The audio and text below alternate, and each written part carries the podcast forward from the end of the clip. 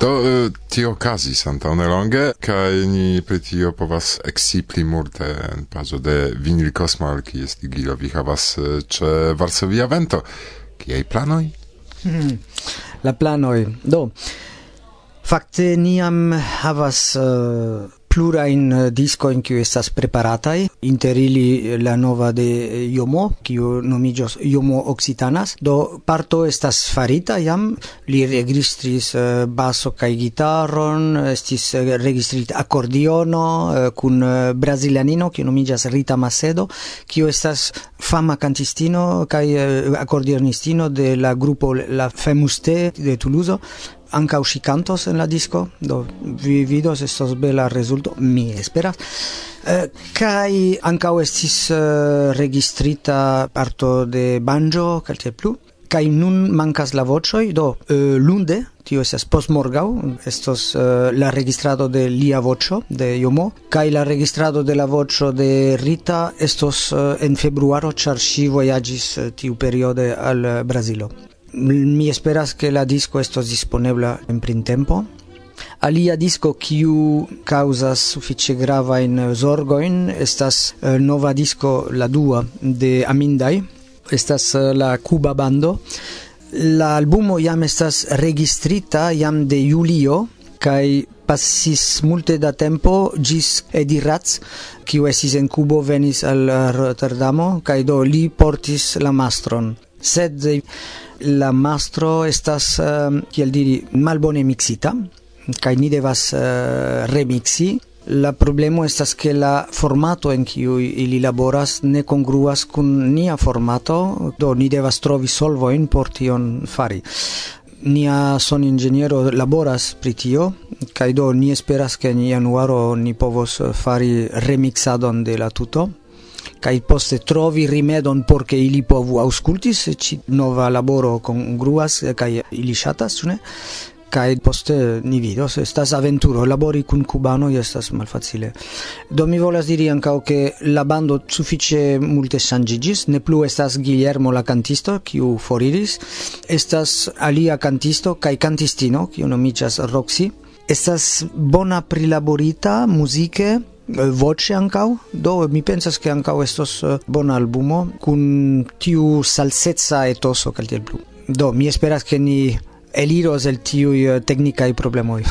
Porque amanto amantoj kiu sida sur la benko eble la tria disco de Jacques Ivar? Ne Jacques Ivar decidis ne plu canti. Ĉu vere? Jes, ĉar uh, li estas maljuna kaj uh, li retiriĝis de la scenejo, do mi proponis al li uh, koncerti por uko kaj uh, li um, rezignis pri tio, do li diris ke li ne plu uh, sursceniĝis.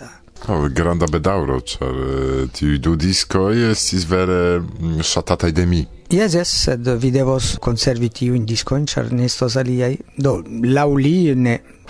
Kun la lasta ni havis problemojn, char ni volis aldoni tiu muziko kiu aperis en la unua disko kaj ni devis cion registri denove, char eh, lia voĉo ŝanĝiĝis kaj do eh, ni devis registri la voĉon por ĉiuj titoloj do. Pro si volemo mi demandas, ĉar mi estas pli proksime ol vi. Eh, kion vi opinias pri ŝanĝo? Do, Mi diris, eh, ŝanĝo estas tre simila al tiu muzik stilo in kiu estas inter monmuziko kaj eh, progresiva muziko. Mi havas eh, malmulta en ekzemplo en tiu stilo por Esperanto, do estas Reveri el Italio kiu faras ne ekzakte la sama stilo, sed en tiu etoso. Estas Shanjo kaj ankaŭ estas tiu Jim Petit espereble ankaŭ venos aliaj. Do estas vera niĉo en eh, Esperantio, ĉar eh, tre malmultaj bandoj faras tion, kaj do mi pensas ke estas bona vojo ankaŭ por tiuj bandoj. Ŝanĝo? Jes, kial ne?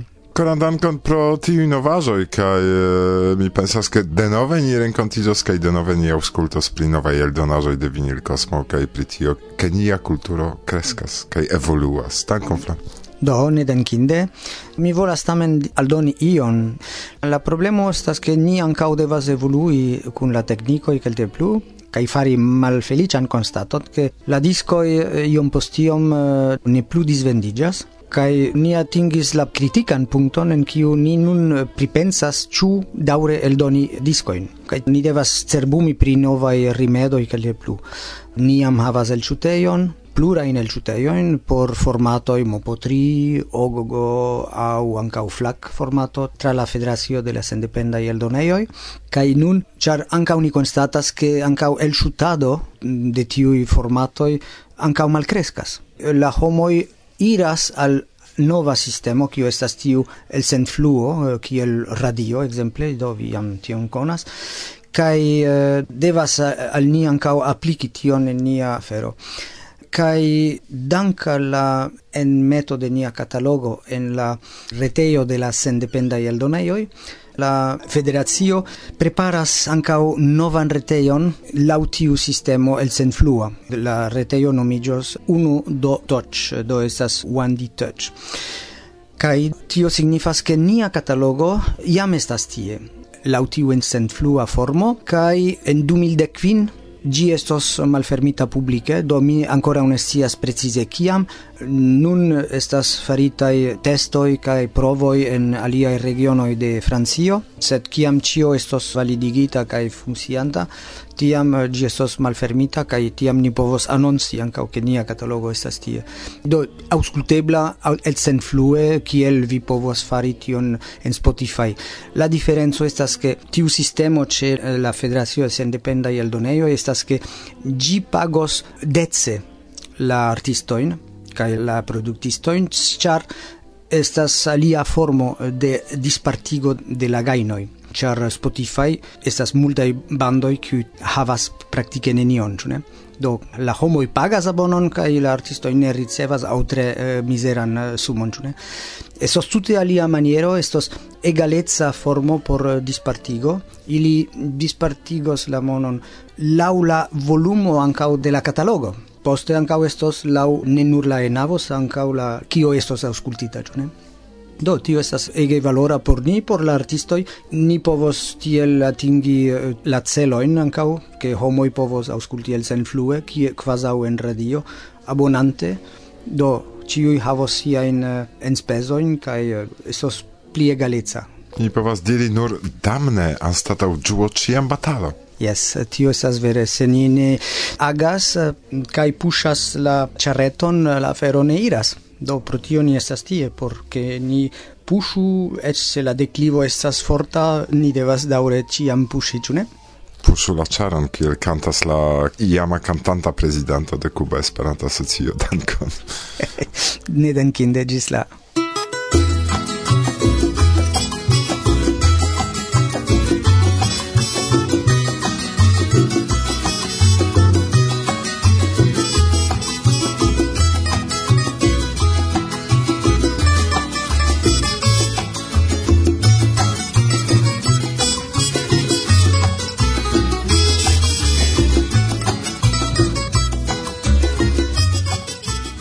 parulas Johnny M. Varsovia vento. Bla bla bla. Miau. Do la venonta canto estas en du diversa lingvoj kiuj ne estas Esperanto, sed tamen ege bela canto. Yes. Kaj mi ankaŭ kantas la polan. Por la polaj homoj. Yes. Każdego dnia dziękuję Bogu za to, że cię mam Za to, że jesteś przy mnie, by nigdy nie czuł się sam. Każdego dnia nadajesz memu życiu nowy sens. Z tobą mogę iść po jego kres Każdego dnia dziękuję Bogu za to, że cię mam Za to, że jesteś przy mnie, by nigdy nie czuł się sam. Każdego dnia nadajesz memu życiu nowy sens. Z tobą mogę iść po jego kres Bo bez ciebie życie traci sens. Bez ciebie nie mogę nawet nocy znudzić powiek. Każdy dzień i każdą noc chcę być tylko przy tobie. Jesteś dla mnie najpiękniejszą, najwspanialszą z kobiet Więc kocham mnie nie tylko dla przyjemności. Z tobą chcę być już do końca, aż po sam grób. I ja tobie oddaję się w całości. I zrobię dla ciebie ile tylko będę mógł. Dla pola i każdego dnia. Dziękuję Bogu za to, że cię mam Za to, to, że jesteś przy mnie, bym nigdy nie czuł się sam każdego dnia. Nadajesz memu życiu nowej sens Z tobą mogę iść po jego kres Każdego dnia dziękuję Bogu za to, że cię mam Za to, że jesteś przy mnie, bym nigdy nie czuł się sam każdego dnia. Nadajesz memu życiu nowej sens Z tobą mogę iść po jego kres I know your love it is superior. Your devil complex inferior. Oh yes, worshiping material. Bowing to your silver and gold. I know your love it is superior. Your devil complex inferior. Oh yes, worshiping material. Bowing to your silver and gold. Somebody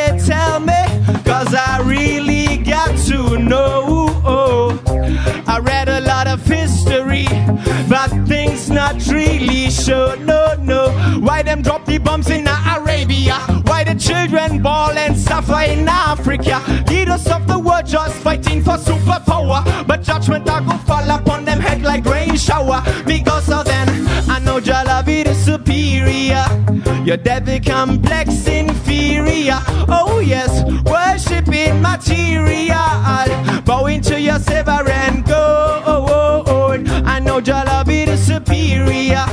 Your devil complex inferior. Oh yes, worshiping material, bowing to your silver and gold. Każdego dnia dziękuję Bogu za to, że cię mam, za to, że jesteś przy mnie, bym nigdy nie czuł się sam. Każdego dnia nadajesz memu życiu nowej sens, z tobą mogę iść po jego kres. Każdego dziękuję Bogu za to, że cię mam, za to, że jesteś przy mnie, nigdy nie czuł się sam. Każdego dnia nadajesz memu życiu nowej sens, z tobą mogę iść po jego kres. Każdego dnia a every day. Okay, kaciu tage, oh yes, jeden tak, oh yes, każdego dnia, oh yes, każdego dnia, oh no, każdego dnia. O jest, każdego dnia.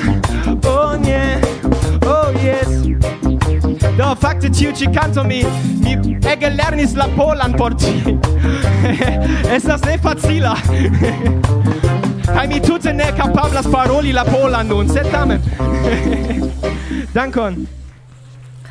Saluton, mi estas Edvige Tantin Ackerman el Triesto, Italio. Kaj mi estas en eh, Bialistoko por eh, la Grundtvig eh, seminario con miei partneroi el aliai quin landoi. Kai krome mi ankaŭ partoprenas en la Zamenhofaj tagoj en Bialistoko. Ĉu mi povus ekscii kiu estis la temo de la nuna Grundvik? La nuna Grundvik seminario temis pri rilatoj kun internaciaj organizaĵoj culturae precipe kai cun neregistarae organizoi.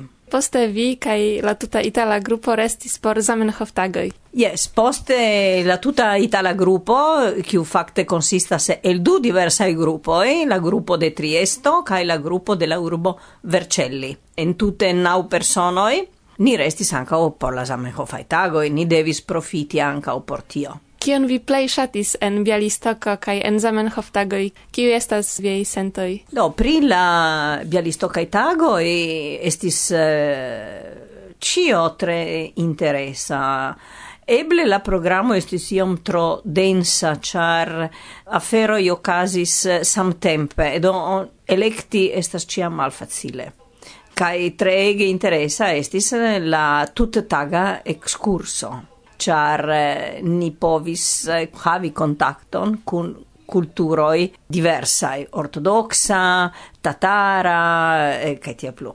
Do, vere interesa excurso. Bialistoco, kai la tuta Podlachia regiono, famas pro gia diverseco, sed vi ancau contribuis al la Bialistoka programo, vi havis prelegon pri Mongolio, kiun mi eh, mem tre shatis, Sed vi ancau ce estis mongolan kongreson, ču vi povas iom rakonti pri tiu kongreso? Eh, uh, yes, en 2010 la Asia Congresso ocasis en Ulaanbaatar en Mongolio. Kaj mi pensis ke tio estis unika ŝanco por viziti tiun landon. Do viziti la landon kaj partopreni en Esperanto aranĝo. Kaj tio estis vere bonega, estis tre bona kongreso kaj tre bona vizitado de la lando. Compreneble, Mongolio estas trege granda, ni visitis parton, sed eh, ni estis bela gruppo, char temas pri esperantistoi ciam el plurai landoi, kai ni belege passigis la tempon, kai vere ni povis admiri la naturan, sovagian belezon de Mongolio. Pri Mongolio mi faris quelcaen videofilmoin. Citie mi comportis nur du, sed eh, tutte nestis tempo por ambau. Mi presentis nur la documentan filmon pri la voyaggio tra Mongolio. Ni faris excursoin, do giuste pri tio temis mia filmo. Gi estas uh, iom longa, char uh, eh, gi postulas quindec uh, minutan attenton, sed mi opinias che tamen valoras gin eh, vidi eh, uh, kai pri la dua filmo gi presentas la congresson de 2010 en Ulan Bator. La mongoloi preparis tre belan culturan programon kun eh, spectaclo in vere giuindai. Bedaurinde, ancau tiu filmo dauras quindecunda minutoi, cae tion giuste mi nine povis vidi. Se ne gravas eble mm, esto salio caso, mi esperas. Mongolio estas tre interesa lando kai mongolai esperantistoi estas tre entusiasmai kai tre kunlaborema ili volas presenti la landon ili volas labori por Esperanto ili volas plilargigi la asocio kai tiel plu. Kai ili vere multon faras. Ĉu eh, estas eble aferoj aŭ io kion vi atentis en Mongolio? kion vi volis vidi, sed kazis tute alie. Eh, fakte ne. Mi ne sciis kiel estos tiu vizito. Do mi attendis multon, kaj mi multon ricevis. Mi bedauras nur che mi ne povis visiti la tutan landon, certo io postula suffice da tempo, kai anche un mono char eh, transportado en Mongolio estas iom complica mancas voio en strato en kai vi vojaĝas tra sovaĝa lando ancora o sen eh, autososeo en tutte natura i pado i prescao Kai tio postulas tempon, kai fortan automobilon au similan buseton, tre fortican, char oni povas riski vere resti pane sur strate. Ne estas tiom da trafiko tie, che oni povas uh, che ke preterpasanto helpu. Sed uh, la peisaggio estas vere mirinda, estas io grandiosa. La horizonto estas senfina. Vi rigardas en la horizonto kaj vi ĉiam vidas montetojn kaj montetojn kaj montetojn. Estas vere bele. Se tamen, eh, do, se Mongolio estas tre interesa, ankaŭ Pollando estas tre interesa. Mi estas en Bialistoko la trian fojon. Ĉu vi eh, ĝuas la nuan ĉeeston? Ah, oh, jes, certe, certe. Bialistokanoj estas tre ĉarmaj kaj tre simpatiaj kaj helpemaj. Do, restado estas konsilinda por ĉiuj. Bedaŭrinde la vetero eble ne estis la plej bona, sed kion fari? Estas vintro, ĉu ne? Yes, kaj estas Polando. estas Polando, ni estas en la norda parto, mi venas de la relativa sudo de Europa. Kai ankaŭ uceni en Triesto la vetero ne eh, a parte bona. Do, la tuta mondo estas ununura villaggio, ne? Yes, anca por ni kiel gastiganto, tio estis grandega plezuro rencontigi kun vi ĉiuj. Dankon. Dankon al vi, do gis, uh, gis baldau, ĉu ne? Ie, en Esperantujo, la weble en Polando, ĉu en Italio? Mm? Mi esperas ke en Italio. Yes, ni havos eh, eh, nian lastan seminarion por tiu projekto Grundtvig fine de marto en Italio en urbo Vercelli. Kai mi kore invitas eh, vin ĉiuj partopreni kai giui kun ni tiun lastan eh, rendevuon espereble en bona vetero fine de marto en norda parto d'Italio en tre interessa regiono kai tre bela urbo Vercelli. Gis la revido en Vercelli. Gis revido. Dum, dum, dum, dum, dum. Mi veli sulla mare, mi car mi veli sulla mare, per etta lilla barco, ciel sur mar mi car per eta ligna barco ci troni sen ondar. Mi venis al haven haven mi venis al haven. fir coca cocerigis velus sur mar mi car fir coca cocerigis jam estas la maten. Mi turis alla car Carulina, mia Carulina, fermita estis pordo, velu sur maro, mica fermita estis pordo, vedo rindici, rindici, mariglo pordo, nun yes nun mariglo pordo, nun, compato mia cara, velu sur maro, mica compato, mia misfortun passis la bracum, passis la bracum. Mi schwebis alla paradis, velus sur mara meca Mi schwebis alla paradis, allogis la parfum. Giovantis nia am, yes am, Giovantis nia am. Si credus min sen mona vir, velus sur maverca, si credus min sen mona vir, sed mi tropagis jam. Sen mona en la posh, la posh, sen mona en la posh. Jettigis mi el put Dicis mia Putina por solo cae por grosch.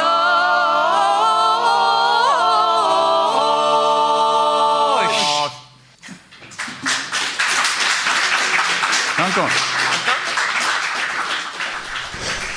Varsovia vento elsendoj antaŭ ni gasto, kiu eh, loĝas en insulo, sed tamen eh, antaŭ ol vi ekscios pri la detaloj unue kiu vi estas. Saluton. Mia nomo estas Hugh Reed, mi estas esperantisto jam de pli ol tridek jaroj. Mi estas el la granda insulo occidente de Europo, kien oni nomas Granda Britinsulo, kaj mi venas de la norda parto de tiu, kiu estas la, la lando Skotlando. Ĉu en Skotlando vere vivas esperantistoj, ĉar ne estas tiel videblaj en la movado? Vi pravas, niaj nombroj malgrandiĝis dum la jaroj, kaj certe nia movado estas iom malgranda nun, malmultnombra. Se jes ancora vivas esperantistoj en, en Skotlando, sed vi scias kompreneble ke eh, iu el la plej famaj esperantistaj verkistoj estas skotoj, William Holt kaj John Francis, kiu mortis antau ne tre longe, kaj estis bona amiko. Ĉu estas io interesa pri la movado skota, ke ni turnu atenton de la mondo, ke ni povas paroli, ke en Skotlando fakte ekzistas esperantistoj? Nu, um, certe estas aktivuloj junularo ekzistas en Skotlando aktiva aŭ junularo eh, ek interesiĝas pri Esperanto skota junularo ja estas junuloj en Skotlando. Nur tre malmultaj kiuj aliĝas al nia asocio, sed uh, certe mi scias ke estas en la urbo Aberdeen, fakte en ties universitato, juna esperantisto kiu mem propravole lernis Esperanton kaj grupigis circa si aron da aliaj studentoj kiuj li lernigis Esperanton kaj ili renkontiĝas sufiĉe regule eh, li diris al mi ke minimume ses kunvenas kaj ĝis dek du en la universitato sed ili estas iom sendependaj de la generala skotamovado, sed tamen estas forta grupo. Kaj kial vi ekinteresigis pri Esperanto? Mi ĉiam interesigis pri lingvoj.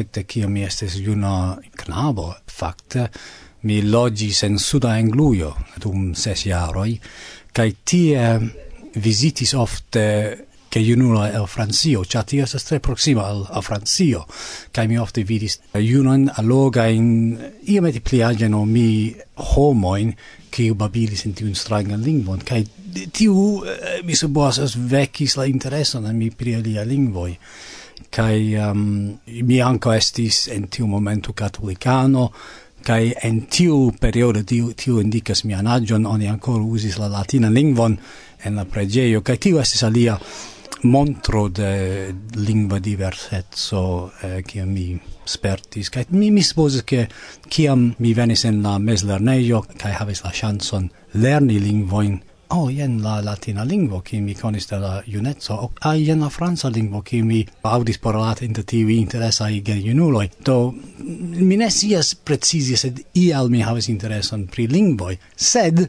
ciam spertis la malfacilon de la complicetso de la grammatico, kai la neregulezzo, kai tiu plo, kai tiu plo. Do, kiam mi ek audis pri Esperanto, mi pensis, oh, jen tre interesa, simpla afero, kiu estus plezuro lerni, char oni ne devas trakti la compliquetsoin kaj la, la genoin de tiel amata naturae lingvoj. Ĉu Esperanto multe influis vian privatan vidpunkton, vivon uh, generale, ĉar esperantistoj ofte diras, ke havas du vivojn antaŭ kaj post uh, esperantistiĝo. Ĉu ankaŭ ĉe via kazo tio okazis? En absolute ne priskribebla maniero jes ĝi tute malfermis por mi alian mondon pri kiu mi ne sties la existon. Estis granda gioiga sperto eniri en la mondo de Esperanto. Ne nur pro tio che mi giuis la plezuron renconti homo in aliai landoi, giui la sperton babili en internazia rondo, circa tablo, mangiante, trincante, en, eh, facte, por mi la unua exterlanda sperto esis hispana congresso de Esperanto, cui estes en si mem jam tre amicetsa, tiu por mi estis kia miraclo, che mi povis kun tiu homoi, interesai homoi babili, quasi mi estis heime en mia propra lando kun scota amicoi. Ne estis differenzo, ne estis problemo, kai tiu estis viv ŝanĝa sperto por mi.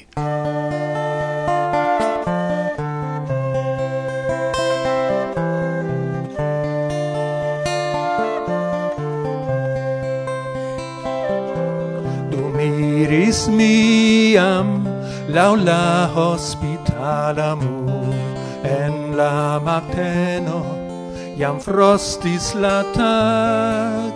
Kion mi vidis? Jes unu companon cusce malvarma ja quasau la lag.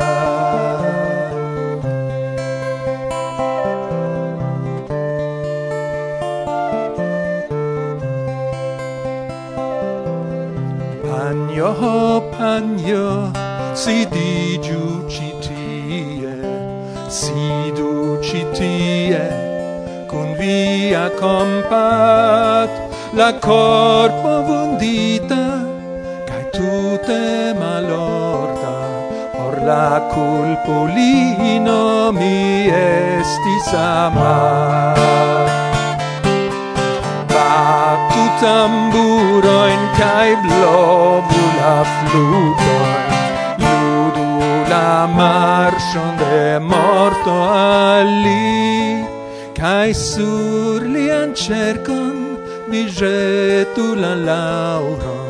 Char la dibocciulo for mortis proa.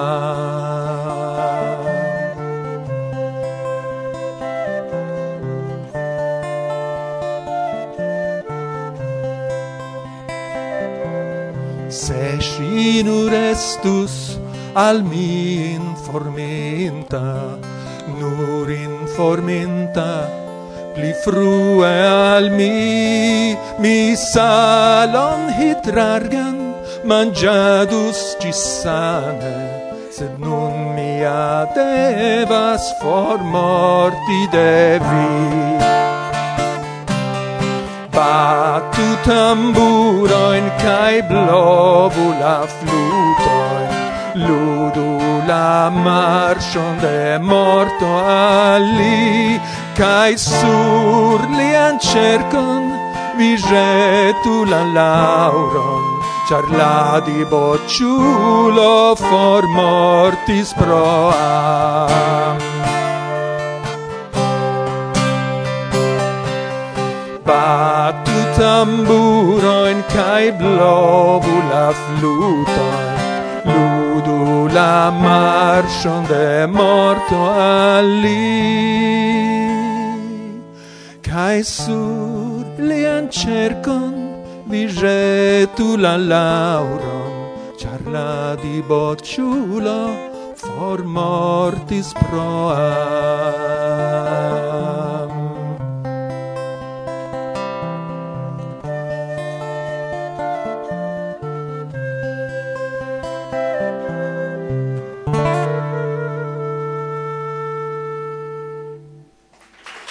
Dankon. Parolas Roman Dobrzyński, kaj vi auskultas la radion Varsovia Vento, bla bla bla.